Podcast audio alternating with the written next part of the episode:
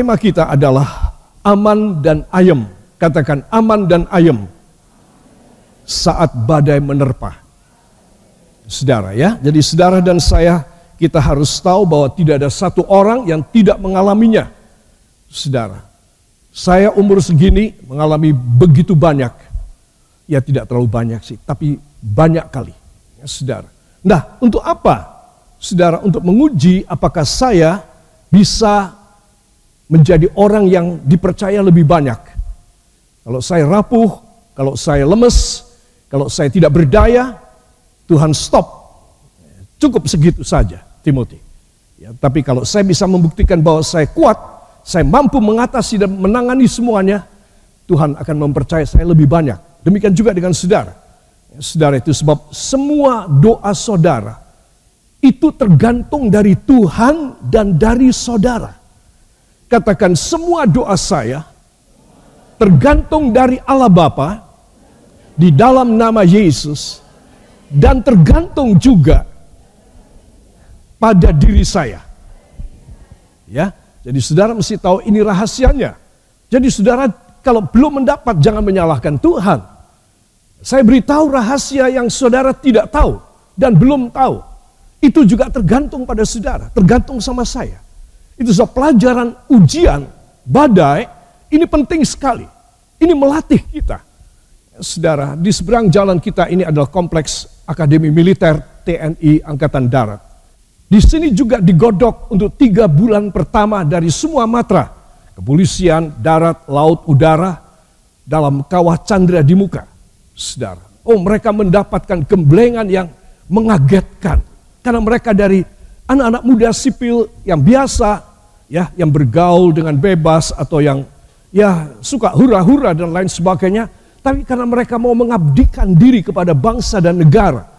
Ya, saudara, mereka mau menjadi pembela tanah air, maka mereka masuk ke sana, saudara, untuk menjadi seorang tentara negara Republik Indonesia. Saudara. Nah, itu gemblengannya mengagetkan. Itu luar biasa. Saudara, kenapa mesti digembleng? Tidakkah cukup mereka mempunyai gelar di luar, dokterkah, sarjana hukumkah, insinyurkah? Ya saudara, tidak. Itu sama sekali tidak kepakai. Yang kepakai adalah ketangguhan mereka. Saudara, itu sebab di daerah sini, di Magelang ini, kita sering kali mendengar tiba-tiba ada bom meledak, granat meledak, tembakan metraliur. Saudara, itu biasa di kota Magelang. Ya, kita ada di tempat di mana pendidikan militer itu ada. Saudara, mereka dibawa ke sawah-sawah dan ke rawa-rawa dan mereka harus bisa um, menyeberanginya dengan membawa senapan dengan ransel yang kira-kira 30-an kilogram beratnya. Mereka harus bisa. Kenapa mereka harus bisa? Mereka diuji.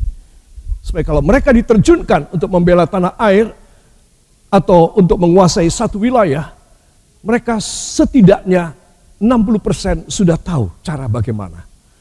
Saudara, ya, lain dengan anak-anak muda yang belajar di universitas, akademi, saudara, beda dengan mereka. Mereka adalah orang-orang yang digembleng. Saudara, demikian juga badai perlu, gemblengan perlu, saudara. Supaya apa? Supaya Tuhan mendapatkan sedikit orang yang terpilih, yang tangguh, saudara tidak sembarang orang. Itu sebab kalau saya berdoa kepada Tuhan, Tuhan menentukan berdasarkan melihat saya. Apakah saya cukup tangguh? Apa saya cukup kuat? Saudara cukup tangguh? Saudara cukup kuat apa tidak? Saudara. Nah kalau kita orang yang cengeng, orang yang ya orang Belanda bilang aleman, yang manja, kita tidak bisa. Menjadi tentara pun kita tidak bisa. Saudara, itu sebab saya ingin supaya semua saudara menyadari pelajaran badai menerpa adalah pelajaran penting sekali. Penting sekali atau tidak? Penting sekali. Katakan supaya saya kedapatan di hadapan Allah layak, mampu dipakai dan diberkati. Yang percaya beri tepuk tangan bagi dia. Haleluya. Itu sebab saudara ketangguhan itu sangat penting sekali ya para kekasih. Para kekasih kita akan membuka ayat yang agak banyak ya. yaitu dari Mazmur 107 ayat 27 sampai 32. 6 ayat ini kita akan baca bersama. Satu, dua. Mereka pusing dan terhuyung-huyung seperti orang mabuk dan kehilangan akal. Maka berseru-serulah mereka kepada Tuhan dalam kesesakan mereka dan dikeluarkannya mereka dari kecemasan mereka. Dibuatnyalah badai itu diam sehingga gelombang-gelombangnya tenang. Mereka bersuka cita sebab semuanya reda dan dituntunnya mereka ke pelabuhan kesukaan mereka. Biarlah mereka bersyukur kepada Tuhan karena kasih setianya, karena perbuatan-perbuatannya yang ajaib terhadap anak-anak manusia. Biarlah mereka meninggikan dia dalam jemaat umat itu dan memuji-muji dia dalam majelis para tua-tua. Amin. Terima kasih. Silakan duduk kembali. Para kekasih kita membaca di sini luar biasa ya dan ada perbedaan yang drastis sekali. Coba tengok ayat 27. Mereka mereka pusing dan terhuyung-huyung seperti orang mabuk dan kehilangan akal. Maka berseru-serulah mereka kepada Tuhan dalam kesesakan mereka dan dikeluarkannya mereka dari kecemasan mereka. Ya, Saudara. Lalu tiba-tiba dibuatnya badai itu diam sehingga gelombang-gelombangnya apa? Tenang. Saudara. Jadi di sini kita melihat ada orang-orang yang sudah kehilangan akal, terhuyung-huyung seperti orang mabuk. Saudara, mabuk itu bukan kehendak mereka. Mabuk itu adalah akibat dari mereka terhuyung-huyung, ya saudara. Atau sebaliknya juga. Nah, di sini kita melihat Tuhan membuat badai itu diam. Saudara. Jadi orang-orang yang berseru-seru kepada Tuhan, katakan bila saya berseru-seru kepada Tuhan Yesus, maka badai akan reda. Gelombang-gelombangnya diam dan tenang. Ya. Jadi di sini kita melihat bahwa orang-orang ini adalah orang-orang yang mempunyai ilmunya, mempunyai tekniknya, paham gimana aku meredakan gelombang-gelombang. Sekali waktu aku bisa terhuyung-huyung kehilangan akal, seperti orang mabuk. Tetapi ketika aku sadar dan aku berseru kepada Tuhan, maka Tuhan membuat tenang. Gelombang maupun badai menjadi reda. Saudara. Jadi ini pelajaran yang mudah karena Tuhan yang bekerja. Tetapi kalau kita melawan gelombang, tidak mungkin kita bisa. Kita melawan badai, tidak mungkin kita bisa. Harus tangan Allah yang menenangkan itu. Kita harus punya teknik Allah, teknik ilahi. Untuk supaya semua gelombang dan semua badai reda. Dan itu sudah diungkapkan, berseru-serulah mereka Saudara, kata berseru bukanlah sekedar berdoa, bukanlah sekedar memohon, apalagi di dalam hati. Mereka mengungkapkan dengan penuh kesungguhan hati. Ya, mereka sangat ambisius supaya segera selesai. Aku gak akan tahan lagi atau aku akan tenggelam di dasar laut. Saudara, pelajaran adalah pelajaran bagaimana Tuhan memberi ujian dan memberi keredaan. Memberi ujian dan memberi keredaan di atas semuanya. Jadi dia bukan hanya memberikan badai dan gelombang, lalu membiarkan kita. Kita berteriak, kita berseru, dan tidak ada jawaban. Tetapi Tuhan memberi kepada kita izin gelombang terjadi dan solusi terjadi. Amin. Itu sebab anak-anak Tuhan besarkan hati saudara. Kalau saudara mengalami sesuatu hal yang berat dalam hidup saudara, saya yakin Tuhan mempunyai rencana sedang menguati saudara. Memperkuat saya, memperkuat saudara. Saudara, mungkin orang lain menengok kita pada saat tersebut, pada momentum kita mengalami badai, orang lain mencerca atau orang lain menghina atau orang lain tidak peduli. Saudara, no problem, jangan kepikiran tentang orang lain. Saudara, kalau saya kepikiran tentang orang lain, repot hidup saya. Tidak. Saudara, saya tidak mau kepikiran tentang orang lain. Saya mau hanya antara saya dengan Tuhan. Tuhan menugaskan saya untuk saya melayani saudara, jemaat dan di luar jemaat ada begitu banyak orang. Lebih banyak dari dalam jemaat ini. Itu saja yang saya kerjakan. Saya tidak gubris semuanya. Maka saya tenang, saudara. Kapal hidup saya mantap, saudara. Potensi power saya tetap tidak bocor karena hal-hal yang biasa, yang sepele-sepele. Tidak. Saudara harus, saya harus. Kita berseru, kata berseru itu kita menengadahkan hati kita. Berseru itu menunjukkan bahwa kita konsentrasi kepada Tuhan. Berseru itu berarti bahwa kita menumpahkan segala harapan kita kepada Tuhan. If you cry out to God, it means that you have already finished with yourself Finish with you yourself. And you begin to surrender all to God and asking God to come down into your life, to make everything to become. So no more wave, no more wave in your life. This is the first test for you. Testing satu dengan testing yang lain sama tipikalnya, jenisnya sama, cara menanganinya juga sama para kekasih. Itu sebab kita tidak usah kecil hati, seberapa banyak kita mengalami, kita mempunyai teknik yang sama untuk meredakan, teknik yang sama dari Tuhan untuk menyelesaikan. Katakan, itu luar biasa. Itu luar biasa. Beri tepuk tangan bagi dia. Saudara, itu sebab ada satu ayat saya tambahkan ya dari Yosua 23 ayat 14. Dan ini orang adalah orang yang hebat Yosua ini. Saudara, ya.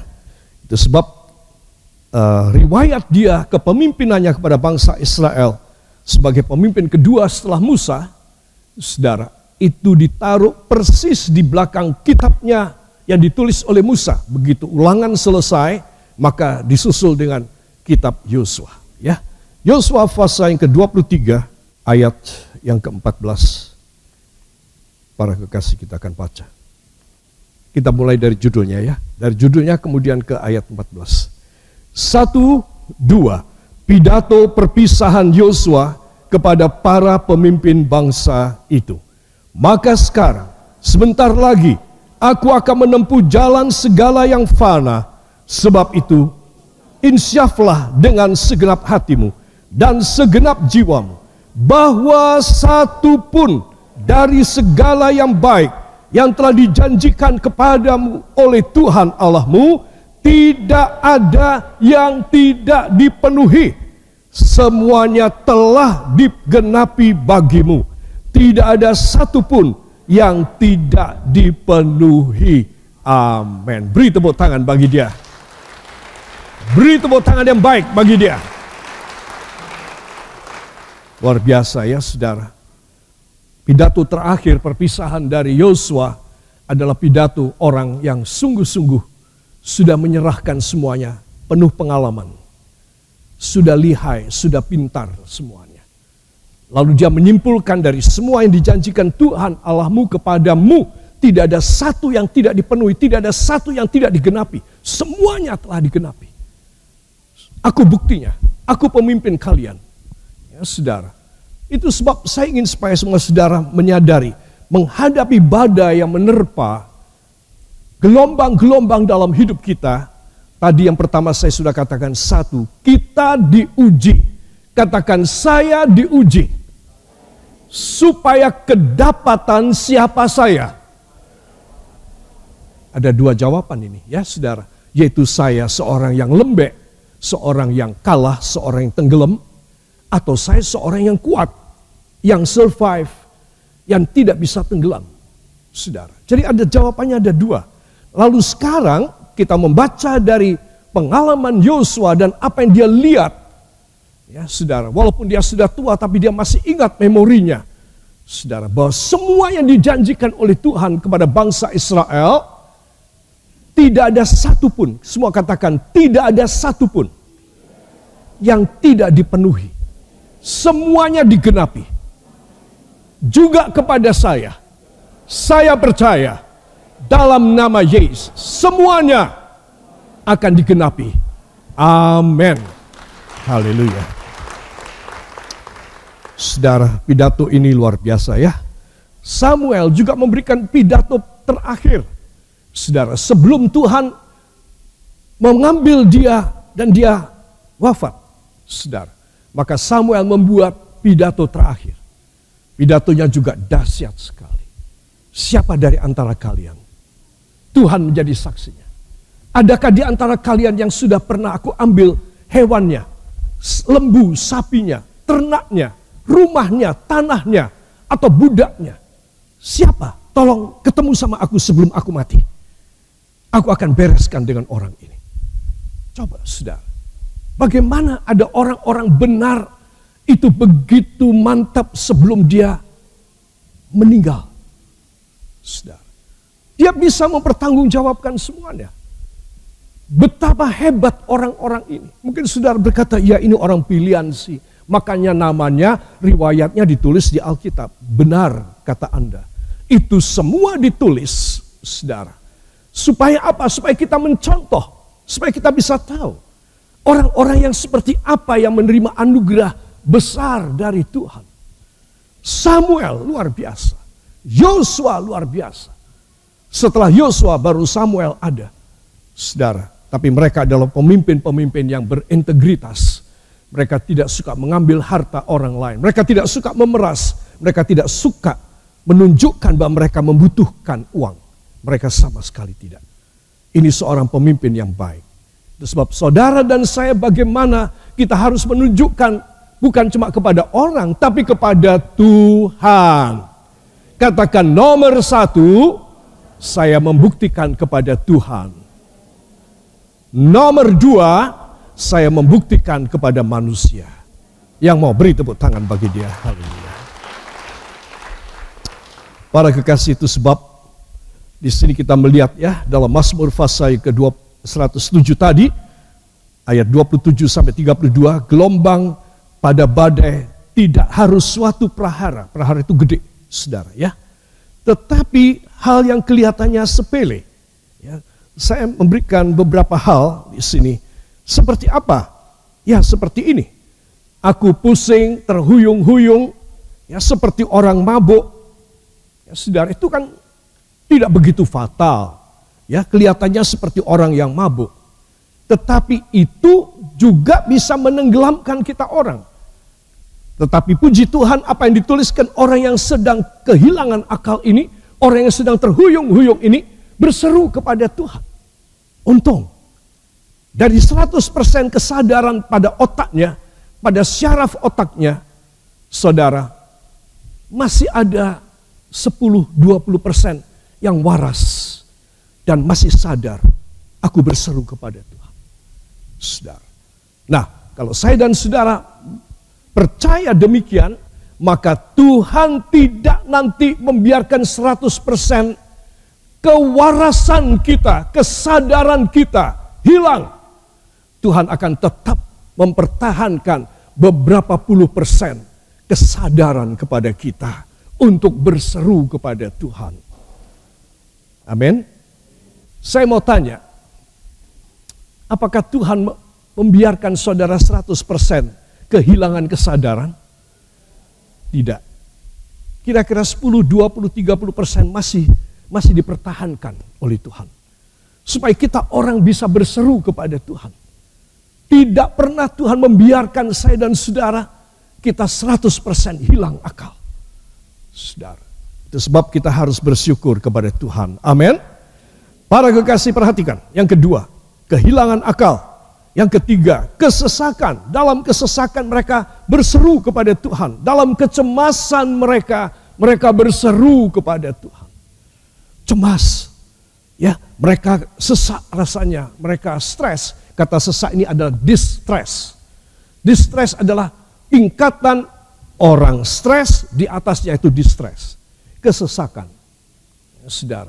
Setelah itu orang masuk pada tahap gejala sakit jiwa atau jiwa tergoncang setelah distress. Kesesakan adalah distress. Kecemasan juga adalah tahap menuju pada orang gila. Orang menjadi rusak kewarasannya. Karena cemas. Saudara, itu sebab dari pusing, sesak, cemas, itu bisa bikin mati orang.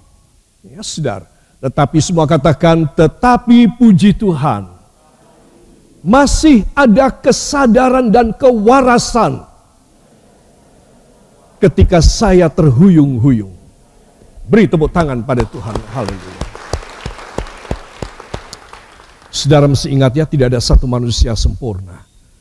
Pada sesuatu saat kita bisa mengalami satu keadaan yang lebih dari dilematika, lebih dari problematika, saudara yaitu ketika kita terhuyung-huyung, hampir hilang akal kita. Tuhan masih memberikan. Saudara harus tahu kenapa masih ada sedikit kewarasan. Karena roh kudus ada di dalam kita.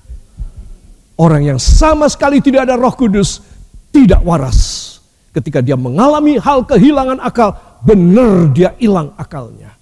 Saudara, dia tidak sanggup untuk berseru dia tidak ingat untuk berseru kepada Tuhan. Saudara, itu sebab bersyukurlah setiap kali dalam Bible study pada hari Minggu kita mengurapi dahi kita, kepala kita dengan minyak urapan. Amin. Kalau saudara mengurapi dahi saudara dengan minyak urapan, saudara bersyukur karena saudara akan selalu dikasih kewarasan, dikasih kesadaran, untuk selalu berseru kepada Tuhan. Jadi pengurapan minyak adalah sesuatu usaha manusia yang diinisiasi oleh Allah, yang diberikan sebagai satu jalan, usul, pembukaan jalan dari Allah. Supaya manusia tidak hilang 100% kewarasannya. Tidak hilang 100% akalnya. Saudara, Roh Kudus masih ada pada dia. Dan dia disadarkan. Saudara. Itu sebab penting sekali pengurapan minyak. Menurut saudara penting apa tidak? Ya, sangat penting. Itu sebab para kekasih, ini minyak urapan tidak boleh untuk hal yang sia-sia. Hanya untuk satu keadaan manusia yang sangat membutuhkan. Saudara, saudara melihat barangkali uh, di pinggir jalan ada kecelakaan dan saudara berkesempatan untuk berhenti dan memberikan pertolongan, saudara.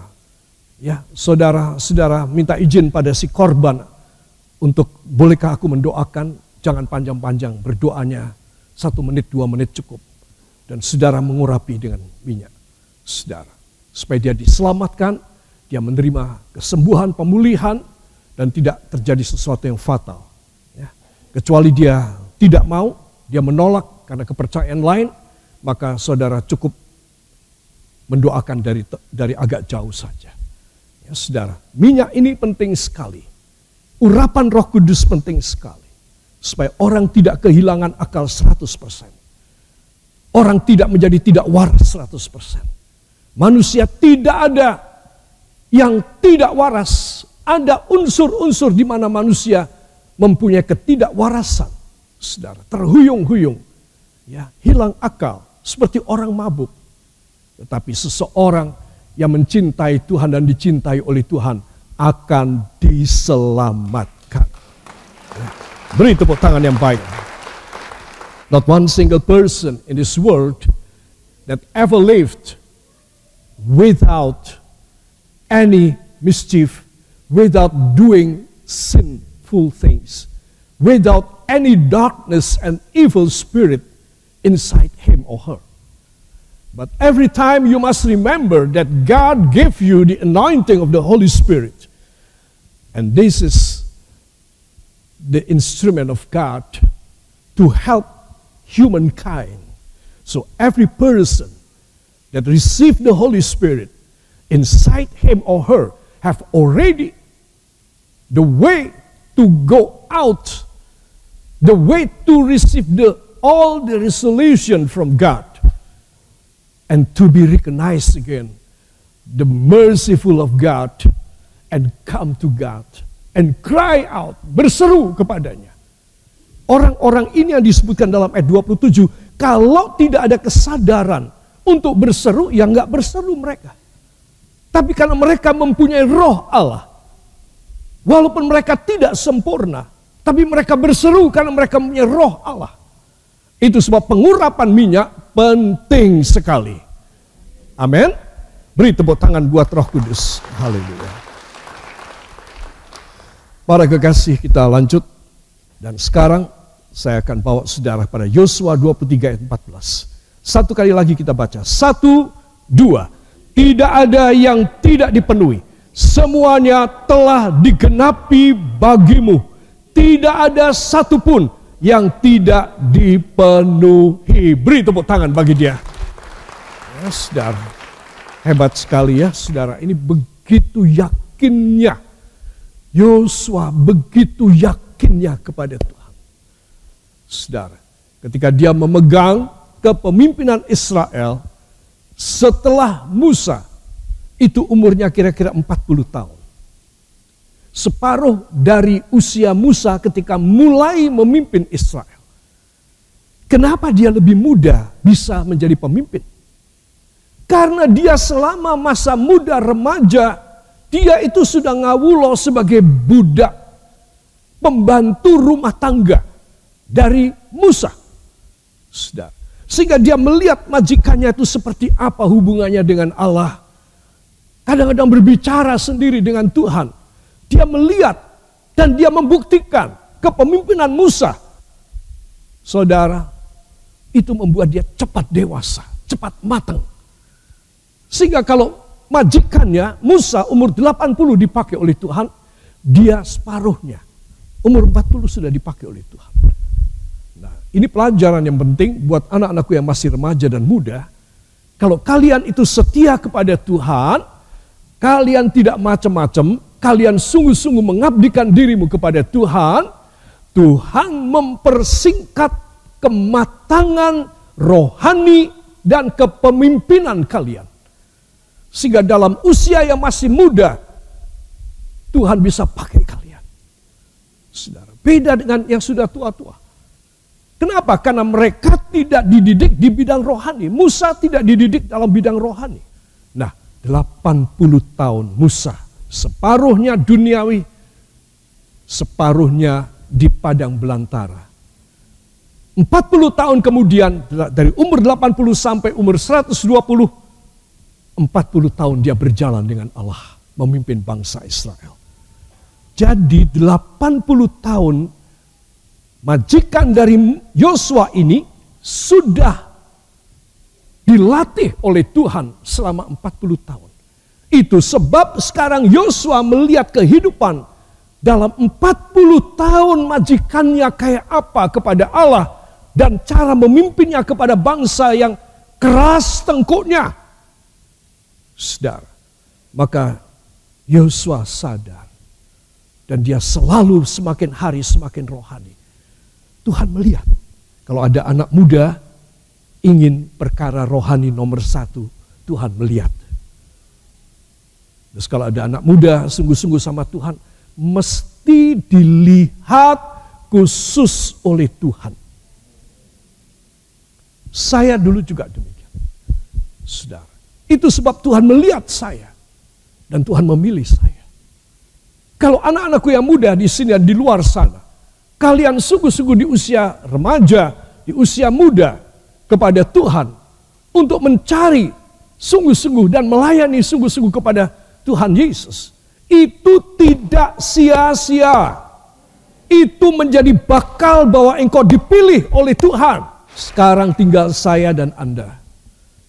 Kita bertekunkah? Kita tidak minta diuji. Tapi bila mana kita mengalami kita harus punya pikiran aku akan timbul seperti emas. Kenapa? Yosua 23:14 karena semua perjanjiannya telah dipenuhi kepadamu. Tidak ada satupun yang tidak digenapi. Nah itu yang membuat keajaiban. Katakan perjanjian Allah itulah yang membuat keajaiban. Sehingga ujian saya menghasilkan emas. Amin.